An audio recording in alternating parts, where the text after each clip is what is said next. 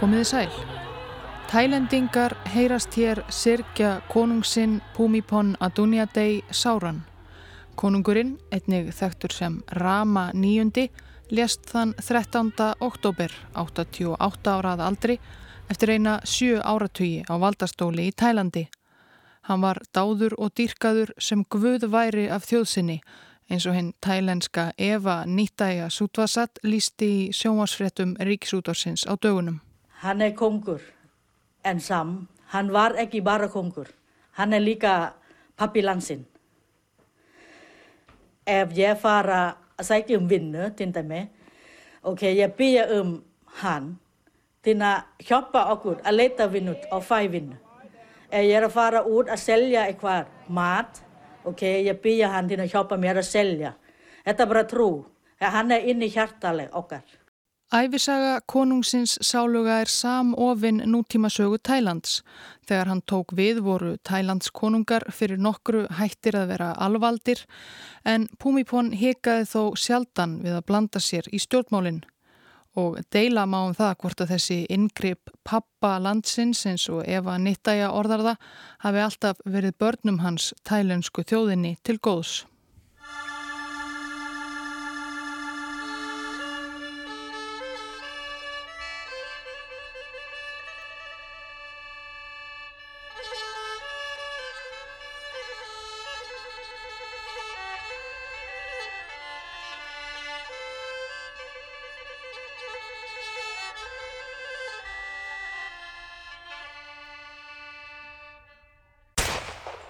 Þessi saga hefst á kvelli.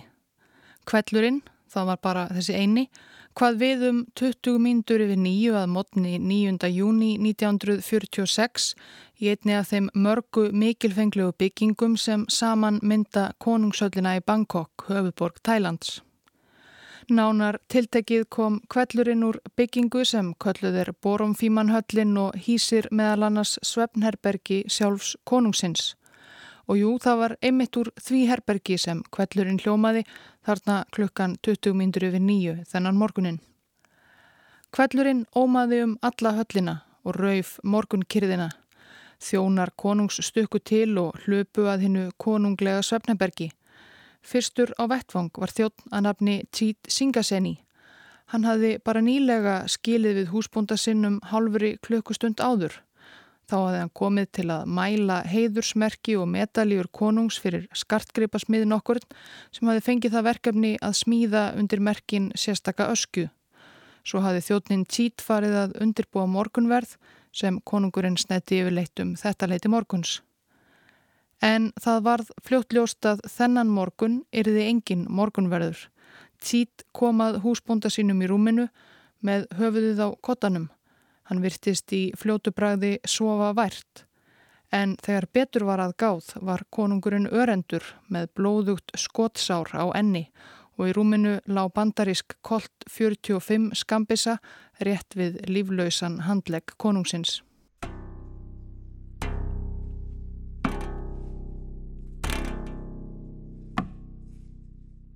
Konungurinn Ananda Mahidol eða Rama áttundi hafi verið konungur í rúm 11 ár þegar hann lést en var þó einungis tvítugur að aldri og tiltölulega nýkominn til landsins eftir langa fjárveru.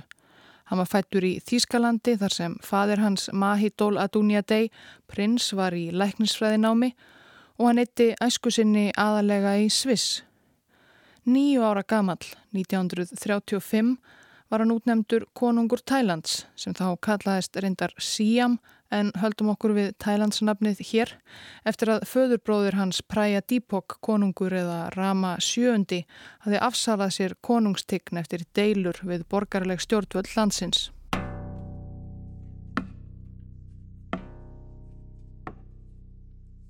Allir konungar Tælands hafa borið konungsnafnið Rama frá því 1782 Þá komst Pranokkur Putajotfa Tjúkalokk til valda og útnefndi sjálfan sig Rama þann fyrsta og allir konungar síðan hafa verið afkomendur hans. Þeir Praja Dípok, Rama sjöundi og læknisfræðineminn Mahidol Adunjadei voru báðir sinir Rama fymta eins sögufrægasta konungs Tælands.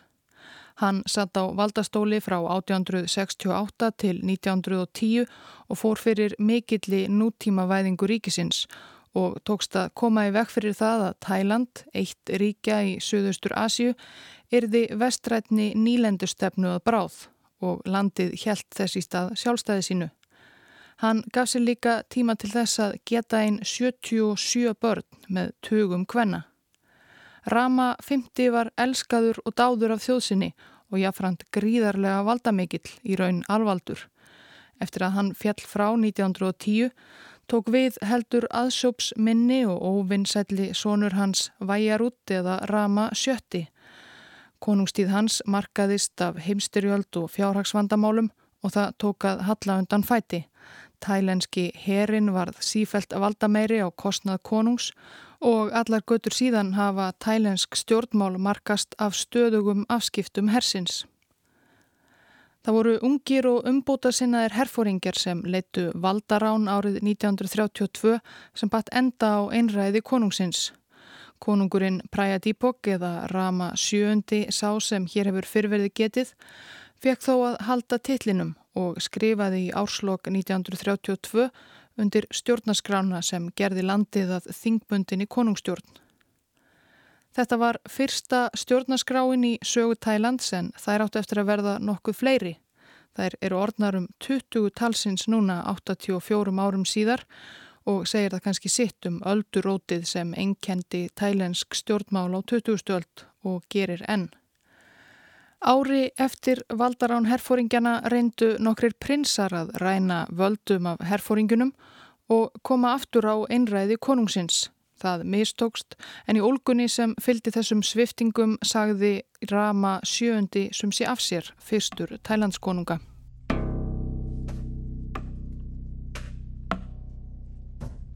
Og nú var arftaki hans Ananda Mahidol látin, skotin í höfuðið í Svefnenbergi sínu, aðeins tvítugur að aldri og engin vissi eða veitir raun enn almennilega hvers vegna. Hafði hann látist af slísförum, einhvern veginn verið að fykta við skambisuna í rúminu í morgunsárið með þessum leiðu afleðingum.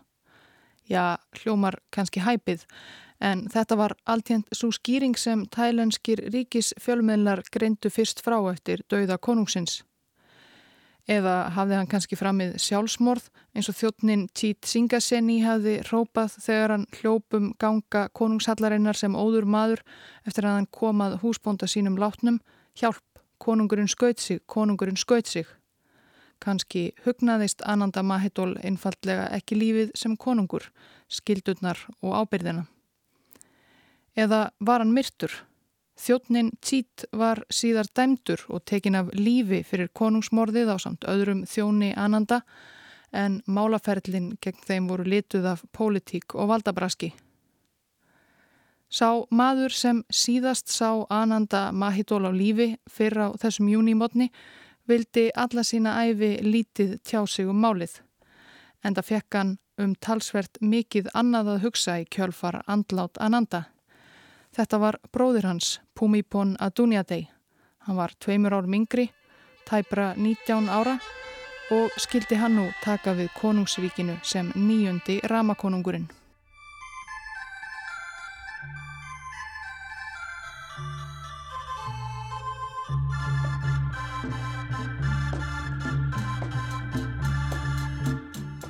Bhumipon Adunjadei fættist hann 5. desember 1927 í Cambridge í Massachusetts þar sem fadir hans var þá við námi í líðheilsufræðum við Harvard Háskóla. Það er kannski áhugaverð staðreind að Bhumipon er eini konungurinn sem fæðst hefur í bandaríkunum. Sankvæmt hefðum tælensku konungsfjölskyldunar á konungurinn sjálfur að velja nöfn nýra fjölskyldumæðlema og konungurinn, föðurbróðir hins nýfætta drengkorts í Massachusetts, valdi að endingu nafnið Pumipon Adunjadei. Það er sanskrit sem á íslensku geti útlagst styrkur landsins, óviðjafnanlegur máttur.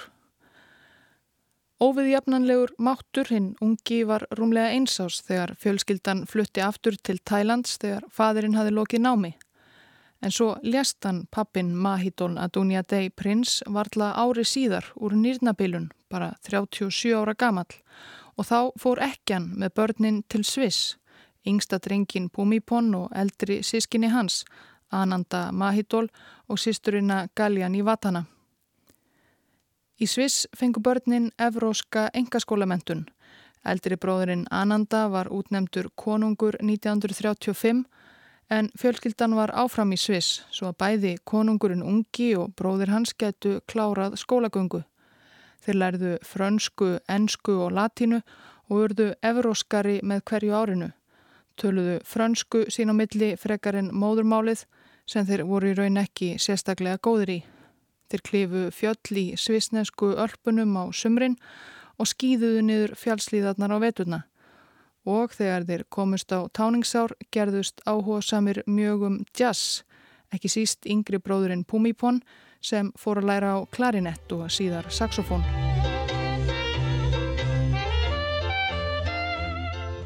Við heyrum hann taka lægið hér, upptakan er frá 1988 þegar Pumipon var búin að sitja í meira en 40 ára á konungstóli en greip alltaf reglulega í hljóðfærið.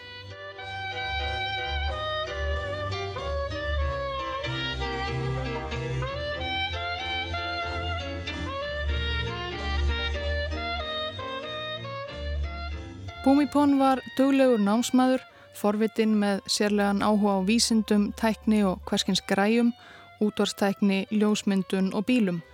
Þegar hann hóf nám við Háskólan í Lausanne 1945, valla 18 ára, varð verkfræði því fyrir valinu. Eldri bróður hans, ekki alveg sami námshesturinn, var þá byrjaður í lögfræðinámi, enda orðin konungur. Yngri prinsinn fekk þó aldrei almennilegt tækifæri til að leggja fyrir sig verkfræðina. Í lok árs 1945, eftir lok setni hemsterjaldar, sneri hann ásand móður sinni og sískinum aftur til Tælands. Það áttir endar bara að vera stutt heimsókn, nokkrir mánuður.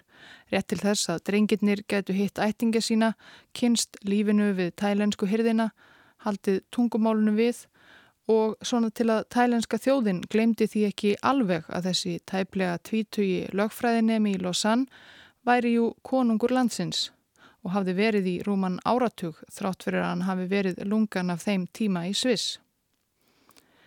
Það hafði hendað herfóringunum sem tóku völdin í valdaránunu 1932 mjög vel að hafa korn ungan konung og ekki síðra að hann byggi í útlöndum viðs fjari valdamiðstöðunum í Bangkok. Árin sem konungurinn var í burtu mörguðust af valdabaráttu milli herfóringjana og borgarleira stjórnvalda. Stjórnarskráin sem herfóringjarnir höfðu samið og látið fyrirverandi konung Rama sjönda undirrita hafði skapað stopnarnir eins og embætti fórsættisráð þeirra ríkistjórn og þjóðþing Þetta var þó aðalega gert til að gefa herfóringastjórninni líðræðislegan blæ, helst vildi herin auðvitað halda sem mestum völdum sjálfur. Og árið 1938, eftir sérstaklega hardvítuga baráttu milli herfóringja stjórnkerfisins og þess borgaralega, varð herin ofan á og hershöfðingja nafni Fíbun settist í forsætsráðarastólinn.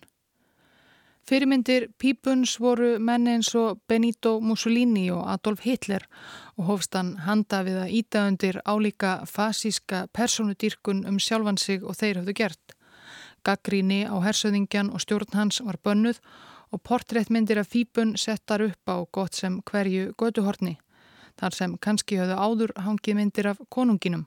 En Fíbun gerði það sem hann gat til að draga úr áhrifum og mikilvægi konungsveldisins í augum almennings. Það var hann og herin hans sem átt að vera tælunsku þjóðinni efst í huga, ekki eitthvað piltkorn lengst vestur í Sviss. En hið sviplega og dularfulla andlát konungsins unga gerði það verkum að konungsfjölskyttan sem hafi verið næstum glemd í stríði og stjórnmálasviftingum komst aftur í sviðsljósið.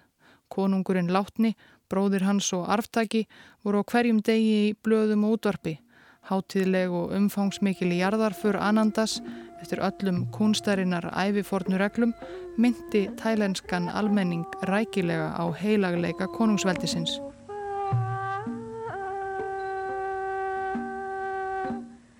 Að lokinni 100 daga þjóðarsorg sneri Pumipon 19 ára aftur til Sviss til að klára skólagöngu sína Hann skipti þó um námsleið, hætti í verkfræðinni og fór yfir í stjórnmála og lögfræði til að búa sig undir skildur sínar sem konungur.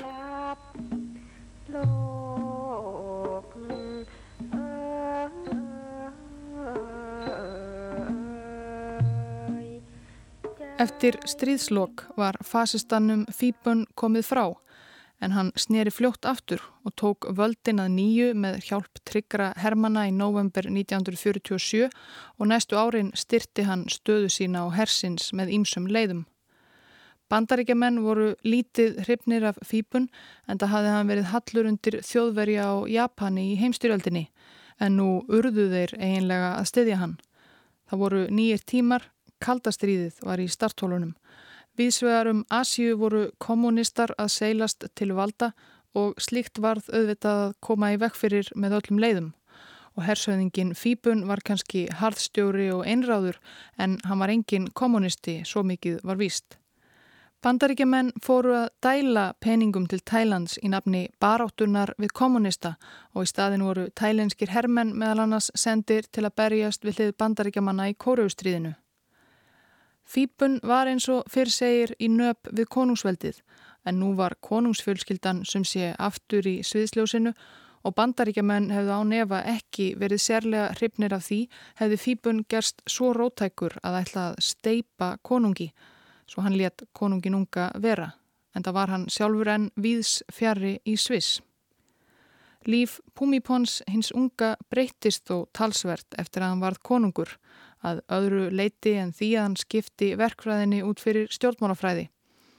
Hann hætti að stunda heið almenna félagslíf nefenda við Háskólan í Lausanne og blandaði aðalega geði við aðra tælendinga í Sviss af efri stjéttum. Það var þó oft styrður félagskapur. Landar hans ávorpuðu hann jú yðar konunglega hátign og veigruðu sér við að snertan. Hann hætti að brosa ofinberlega eins og er til siðs meðal tælandskonunga Hann gaf þó aldrei tónlistina upp á bátinn eða eins og tímaritið Live saði frá í februar 1950. Hvenar sem andin kemur yfir hann bóðar hinn 22 ára gamli síjamskonungur sex unga tónlistafinni sína í villuna í Lausanne í Sviss þar sem hann býr. Þessir sjö ungu menn skipa það sem líklega er græðasta hljómsveit Európu. Á trommunum og píanónum hanga ljós og það er ramagsbúnaður fyrir hvert hljóðfæri sem veldur slíku. Undir fótum tónlistamannana eru výraflækjur og stjórnkassar. Þegar strákarnir koma taktunum í gang skemmtir konungurinn sér konunglega. Hann æðir um allt, hamrar á píanóið, blæsi í pikkoloflautu, klarinett og saxofón. Svo tekur hann upp trompetin, beinir honum upp í loft og sleppir sér. Á meðan hann rennir sér upp og niður tónskalan, hallar hann sér lengra og lengra aftur þar til hans háttegn dettur um koll í stólnum en heldur enn hæsta tónunum. Á góðu kvöldi heldur þetta áfram til dögunar og trublar svefn nágrannana sem þóra þó varðlega kvartu undan unga manninum sem er þrátt fyrir allt konungur Tælands. Eitthvað minna fór þó fyrir náminu. Pumi Pon hafi verið diggur námsmaður á yngri árum en lögfræðin virtist ekki heillan. Ef markam á frásögn live var hann á þessum tíma að mestu hættur að stunda námið. Hann síni lögfræðinu þó tillit með notalegri lítilli aðtöfn á hverju mótni. Þegar einn þjóna hans vekur hann, réttir hann honum lögfræðibók á samt kaffinu og krossán. Af og til lítur konungurinn í bókina. Ef ekki, notar hann annars sem höfustóð, hallar sér aftur og horfur upp í loftið. Á þessum friðsælu stundum leita hugsanir hans oftast til tónlistarinnar. En bara örfáum vikum síðar í mæ 1950 var það allt öðruvísi tónlist sem hljómaði í eirum Pumipons.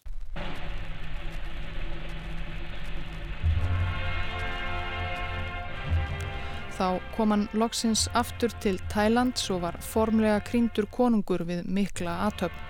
Skömmu áður hafði hann gift sig thailenskri stúlku, Sirikit nokkuri, dóttur thailenska sendiherrans í París.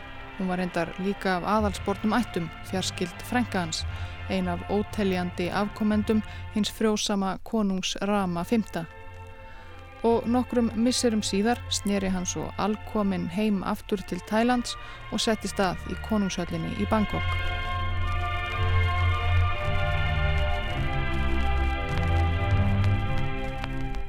Konunginum var vel fagnað af almenningi við heimkomuna Það hafi vakið mikla aðtegli nokkru fyrr þegar smábóndin okkur á landsbyðinni handsamaði kvítan fíl og færði hirðinni.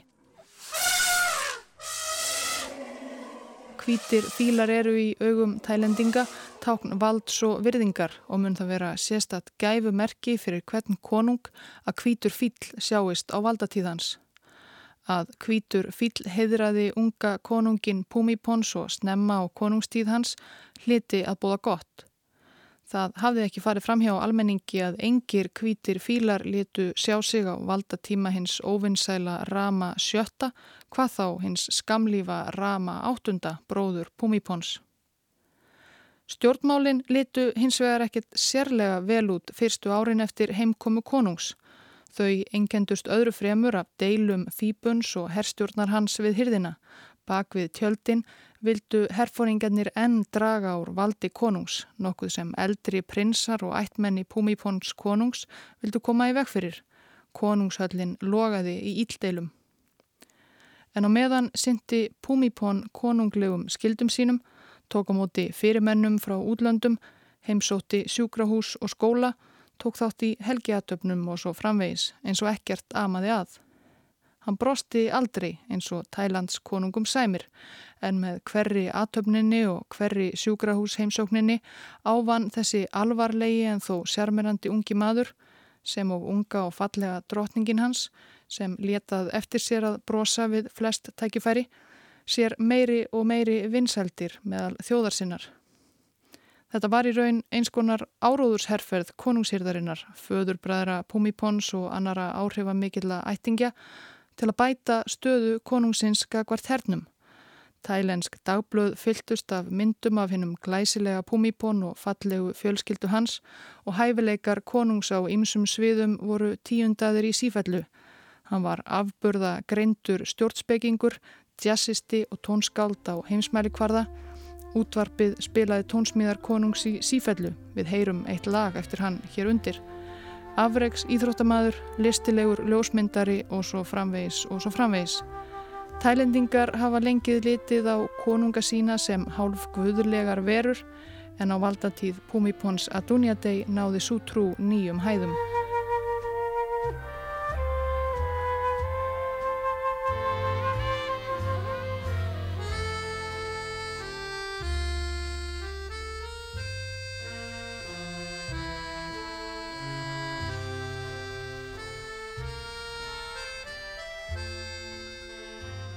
16. september árið 1957 markaði ákveðin þáttaskil í nútímasögu Tælands. Þá rændi marskálkurinn Sarit Thanarat völdum af manninum sem lengi hafi verið hans helsti lærifæðir, Fíbun, og batt enda á aldar fjórðungs tímabil sem Fíbun drotnaði yfir tælenskum stjórnmálum og þjóðlífi. Sarit og fleiri herfóringjar voru þá komnir með kapp nóg af Fíbun gamla sem hröklaðist í útlegð en eitt það helsta sem greindi á með þeim var að Sarit og félagar voru hlindir konungsveldinu. Þetta var ný kynnslóð herfóringja að komast til valda, fyrsta kynnslóðin sem var að mestu eða ölluleiti mentuð í Tælandi en ekki í her eða háskólum á Vesturlöndum eins og forverðar þeirra. Evrósk menning og evróskar stjórnmálastefnur eins og evróski fasismin sem Fíbun var allatíð svag fyrir hafði haft minni áhrif á þá. Þessi stað höfðu þessir yngri hersöðingjar tælenska menningu í hávegum, tælensk gildi og tælenskar hefðir. Þar á meðal var konungsvaldið sem þeir vildu nú reysa til fyrri dýrðar. Það var ekki aðeins fyrir konungin sjálfan sem þeir gerðu það. Þeir sá líka hvernig vindar blésu að almenningur helt sífælt meira upp á konungsfjölskylduna. Sér í lagi hinn myndarlega og hæfileikaríka Púmipón konung og föguru drotninguna hans og því álitu þeir það að gera henni háttundur höfði gætu þeir sjálfur baðað sig í dyrðar ljóma konungsveldisins sem sífælt skein bjartar.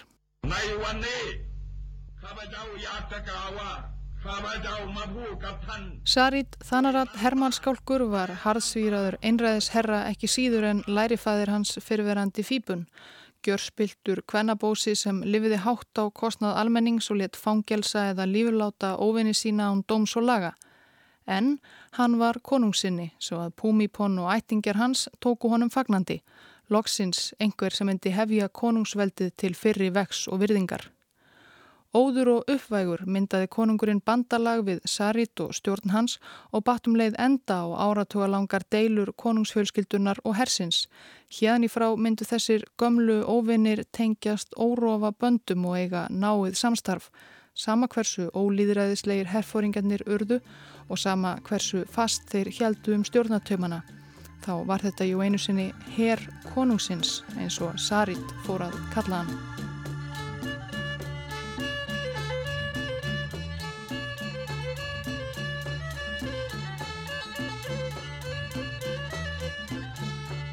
Stjórn Sarits og félaga kvikaði ekki frá stefnu Tælands í kaldastriðinu.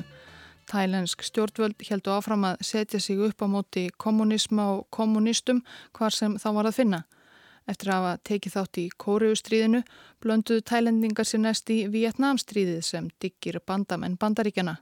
Bandaríkja herr fekk meðal annars að nota tælenskar herstöðvar og flúvelli í baráttu sinni við hérna kommunísku Norður Vietnama og í staðin heldu bandarækjumenn áfram að dæla peningum til Tælands. Mikið af þeim fór beint ofan í vasa á herfóringum og öðrum í elítu landsins. En hagur almennings fór líka vanga á þessum tíma. Millistjettin stækkaði, fólk flyktist úr sveitum til borga og ungmenni streymdu í skóla. Og háskólar landsins voru heldur ekki undan skilnir þeim vindum sem blésum um heim allan um þessar myndir. Margir stúdendar gerðust mótfallnir Vietnamstríðinu og þáttöku tælendinga í því og almennt á móti herfóringastjórninni sem makaði krókin á stríðsrekstrinum en virti líðræði og mannréttindi að vettu í. Aðra vikuna í oktober 1973 breytust mótmæli út um háskóla Bangkok-borgar. Stúdendar höfðu þá verið að færa sig lengra og lengra upp á skaftið undanfærin misseri, haldið mótmælafundi og gefið út bæklinga og rétt þar sem herrstjórnin, þarna undir stjórn herrmarskálksins Thanom Kittikatjórn sem tók við stjórninni að Sarít látnum, þar sem herrstjórnin var gaggrind og höfðað háði og spotti. Yfirvöld tóku ættið hart á slíku andofi en stúdendarnir letu sér ekki segjast, heldu áfram. Hver fjöldafundur enda á því að einhverjir voru handteknir. En það dró ekki kjarkin úr mótmælendunum sem urðu fleiri og fleiri eftir því sem á leið, fleiri og fleiri stúdendar og svo slóust aðrir í hópin, almenningur, ungir sem aldnir, kröfðust lausnar mótmælendana sem hafðu verið handteknir dagana áður og nýrar stjórnarskrár og líðræðis og mannreitinda, dag eftir dag. Þann 14. oktober voru þáttakendur í mótmælunum í Bangkok næri hálf miljón. Mannfjöldin marsiraði þá að konungshöllinni til að spyrja konungin ráða. Hinn jazz-elskandi Pumipon konungur hafði þegar þarna var komið sögu komið ársinni ansi vel fyrir borð. Hann átti gott samstarfið herfóringja sem fóru með hverstagslega stjórn Tælands en var þrátt fyrir það elskaður og dáður og dýrkaður af meiri hluta þjóðarsinnar svo mjög að nú leituðu jafnvel andstæðingar stjórnvalda til hansum ráð og aðstóð.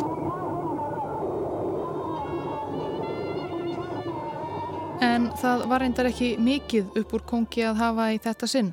Fulltrúi konungsbað mótmælendur náðarsamlegast að hepja sig frá höllinni. Stúdentarnir ættu að einbeita sér að náminu og láta þá fullornu um pólitíkina. En mannfjöldin var slíkur að það var hægara sagt en gert að hypja sig, jáfnvel þó mótmælendur hefðu viljaða. Ringulreið greip um sig í miðborg Bangkok. Lauruglumenn, miklu, miklu færri en mótmælendur, beittu táragasi til að reyna smala stúdendunum frá höllinni með litlum árangri. Loks rumskaði herin. Skriðdrekar skriðu niður breyðstræti í Bangkok og herrþyrlur sveimuði yfir mannfjöldanum. Ringulreiðin varð algjör. Sprengjur, sprungu, hús, brunnu, tugir létust í átökum mótmælenda á lauruglu og hermana og mörg hundruð særðust. Með blóðbað beint fyrir utan hallarhliðin breytti konungur um stefnu. Hann veitti aðþrengdum stúdentum skjól í konungshöllinni og bað herin um að bakka. Að lokum þvingaði hann þann om hermarskálk og nánustu samverkamenn hans til að hypja sig í útlegð.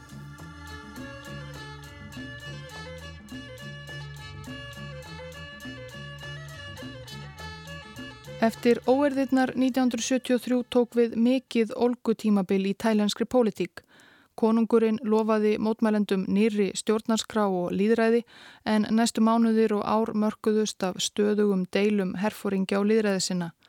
Sérilagi óttuðust hægri menn mikinn uppgang kommunista í Tælandi.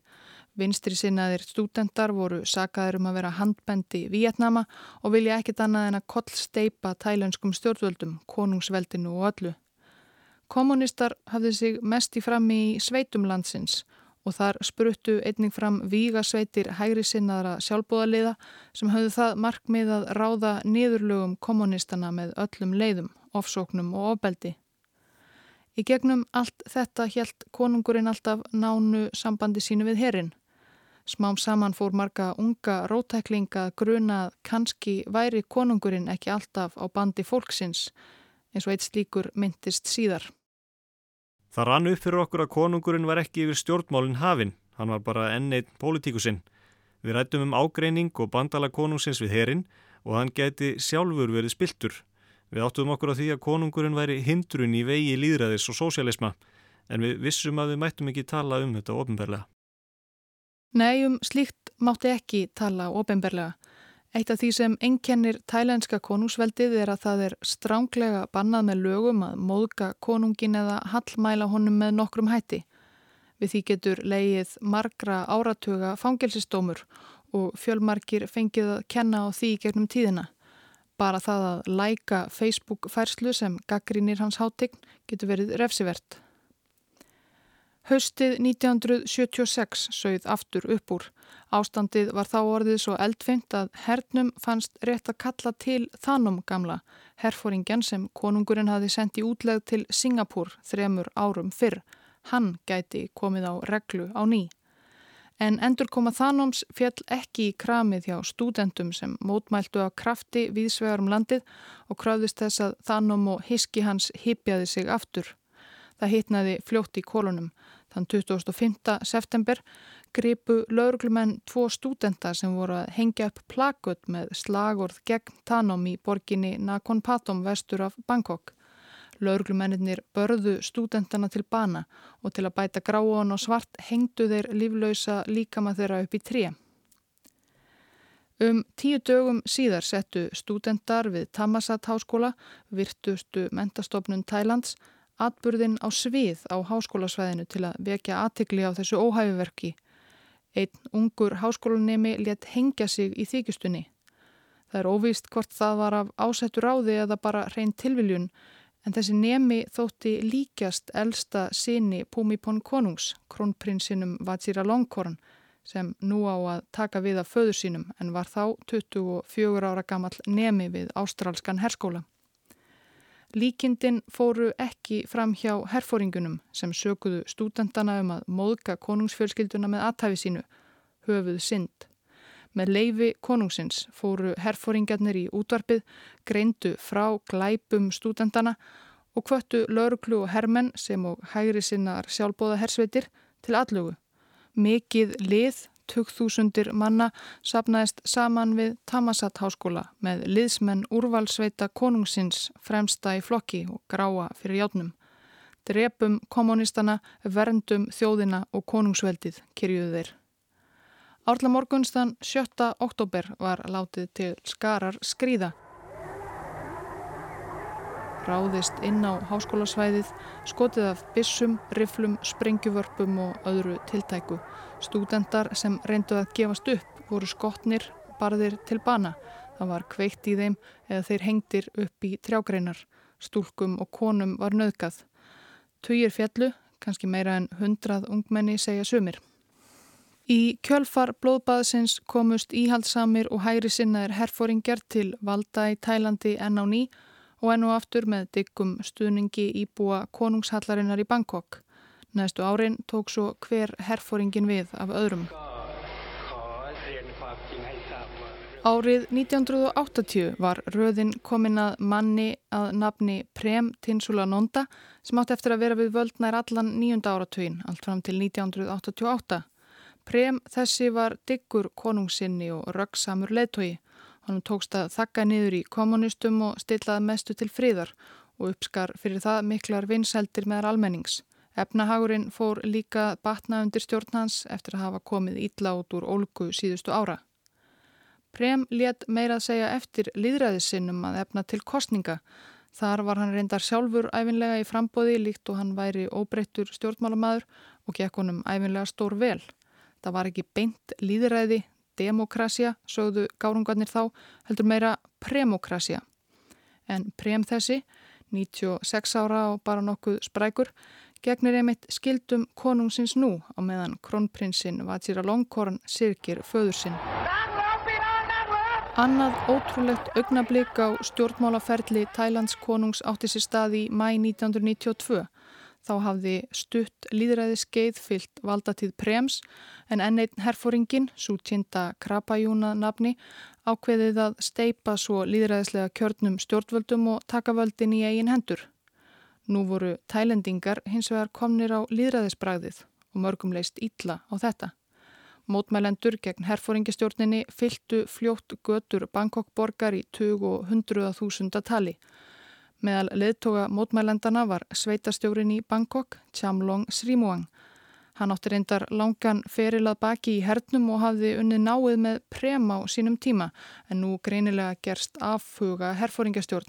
Sú tjinda sendi sína menn, tælenska herin, að taka á mótmælunum og til blóðugra átaka kom á gödum Bangkok. Loks greip einhver inn í, það er sjálfur konungurinn. Hann bóðaði bæði hersöðingjan svo tjinda og anstaðing hans tjamlong á sinn fund samtímis. Í stórfurðulegri beitni útsendingu í sjónvarpi var það sínt hvernig deilu aðilatnir bókstaflega skriðu til konungs og buktuðu sig nötrandi af auðmygt. Konungurinn, eins og strángur fadir, bað þá að vinsanlegast hætta að kýta og stefna almenningi í hættu og leysa deilu sína með líðræðislegum leiðum. Þeir hlítu. Svo tjinda saði af sér og bóða var til kostninga. Þetta næsta líðræðiskeið leiti til þess að auðjöfurðanabni Taksin Sinavat komst til valda. Hann varð gífurlega valdamikill en jáframt umdeldur og deilur hans, fylgismanna hans og anstæðinga hafa litað sögu Tælands síðasta aldarfjörðungin og þó svo að Sútjinda hersöðingi hafi beitt sig og buktað fyrir konunginum í henni sögulegu sjónvarsútsendingu 1992 var herin alls ekki hættur afskiptum af stjórnmálum. Herfóringjar hafa haldið áfram að ræna völdum þegar þeim finnst stjórnmálin vera komin á villigötur nú síðast 2014 og þá yfirleitt með samþykki og stuðnungi konungsins.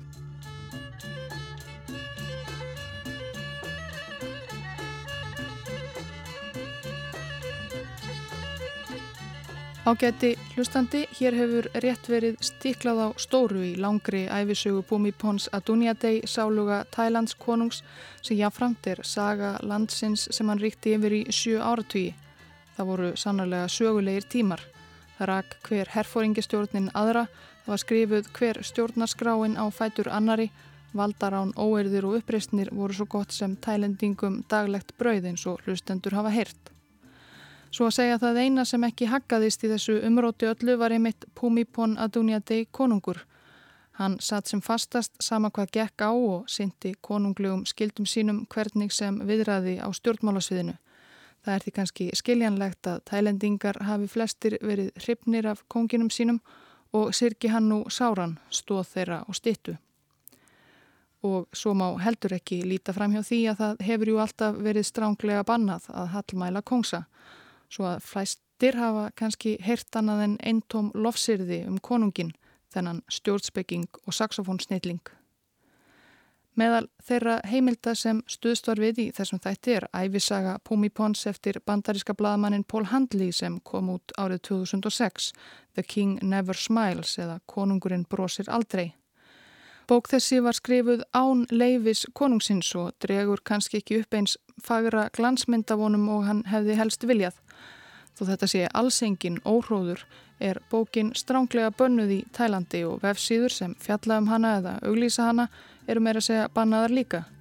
Full ástæða er þó til að mæla með þessari forvittnilegu bók þó svo að hún sé kannski ekki einmitt rítið sem aður tekur með sér á tælenska sólarströnd.